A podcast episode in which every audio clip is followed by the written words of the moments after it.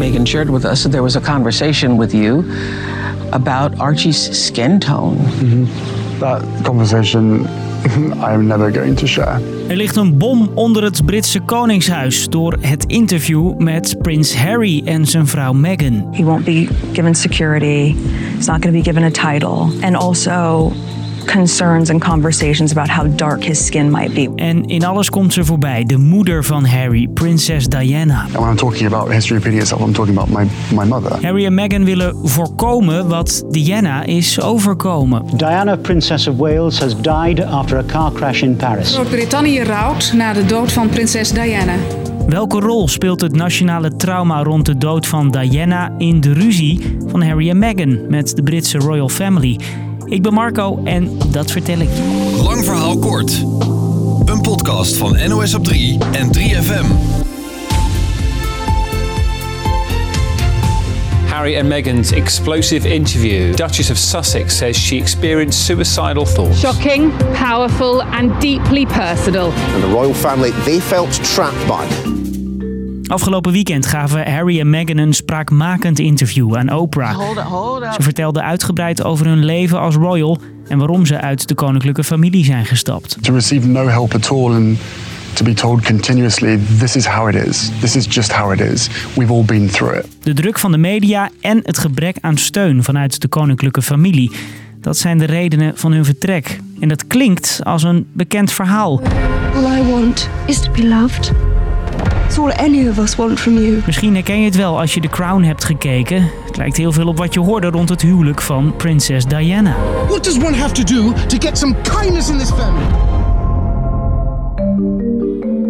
Wat gebeurde er dan met Lady Di? Laten we beginnen met de media-aandacht. We have reports from Paris that Diana, Princess of Wales, has been killed in a car accident. In Paris, Diana, Princess of Wales, is dead. In de zomer van 1997 komt Diana om het leven. De auto waar ze in zit met haar nieuwe vriend knalt met 100 km per uur tegen een pilaar in Parijs.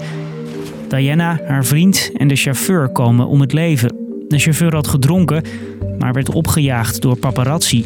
They were apparently being pursued by paparazzi on two motorcycles. De fotografen zaten ze op de hielen. En ook de jaren voor het ongeluk werd Diana op de voet gevolgd. She was saying nothing about her weekend with Prince Charles at Sandringham. Diana was een publiekslieveling. De kranten wilden haar maar wat graag op de voorpagina. Zeker na haar scheiding van Prins Charles. Een foto van Diana met haar nieuwe vriend zou paparazzi-fotografen een half miljoen Britse pond opleveren. En de kranten wilden dat maar al te graag. Er is namelijk een groot verschil in de krantencultuur met Nederland. Hier heb je een abonnement op het AD of het NRC. Maar in het Verenigd Koninkrijk kopen mensen kranten vooral bij de kiosk. Ze moeten dus scoren om te verkopen. En vooral de tabloids gaan daar heel ver in. Prins Harry heeft sinds de dood van zijn moeder een hekel aan die paparazzi. Every single time I see a camera, every single time I hear a click, every single time I see a flash, it takes me straight back. Maar dat weerhoudt de tabloids er niet van om achter Harry en Meghan aan te zitten. Oké, de druk van de media is dus groot, maar dat is niet alles, zeggen de twee in het interview. When we were in Canada, I, I had uh, three conversations with my grandmother and two conversations with my father. Um, before he stopped taking my calls. Het feit dat familieleden hun telefoon niet opnamen, ja, dat staat voor iets groters. Ze voelen weinig steun vanuit de familie. I just wish that we would all learn from the past. Diana voelde dat ook zo. Haar huwelijk met Charles verliep moeizaam.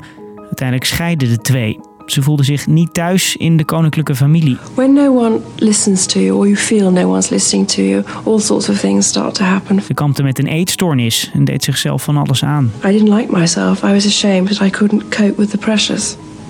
What did you actually do? Well, I just hurt my arms and my legs. Ook Meghan voelde zich ongelukkig in haar rol als royal en door al die media-aandacht. Zo ongelukkig zelfs dat ze zelfmoordgedachten had. And I, I just didn't I just didn't want to be alive anymore. Ze zegt dat ze te weinig steun kreeg van medewerkers van het paleis om er bovenop te komen. En Harry voelt zich door zijn familie in de steek gelaten. There's a lot to work through there. You know, I I feel really let down. Maar ja, minder media-aandacht zal er door dit interview niet komen. De Britten zullen er nog lang over doorpraten, zegt correspondent Tim de Wit. Dit, dit onderwerp verdeelde het land het afgelopen jaar ontzettend. Je zag met name jongeren in Groot-Brittannië, zeker jongeren van kleur, die waren op voorhand enorm uh, op de hand van Harry en Meghan. Die zien in dit interview natuurlijk alleen maar meer bewijs dat Harry en Meghan een vreselijke behandeling hebben gekregen door het Koninklijk Huis, met name natuurlijk ook door de Britse tabloids. En met name oudere Britten, ja, die waren veel meer op de hand van de Queen. Die zien haar natuurlijk als het lichtend voorbeeld van de natie. Dus, lang verhaal kort, Harry is bang dat met hem en Meghan hetzelfde overkomt als wat er met zijn moeder gebeurde, prinses Diana. Zij werd zo achtervolgd door de pers dat ze mede daardoor in een ongeluk omkwam. En ook Diana zei weinig steun van de koninklijke familie te krijgen. De meedogenloze tabloidpers en het gebrek aan steun van de familie. Daarom zijn Harry en Meghan uit de koninklijke familie gestapt.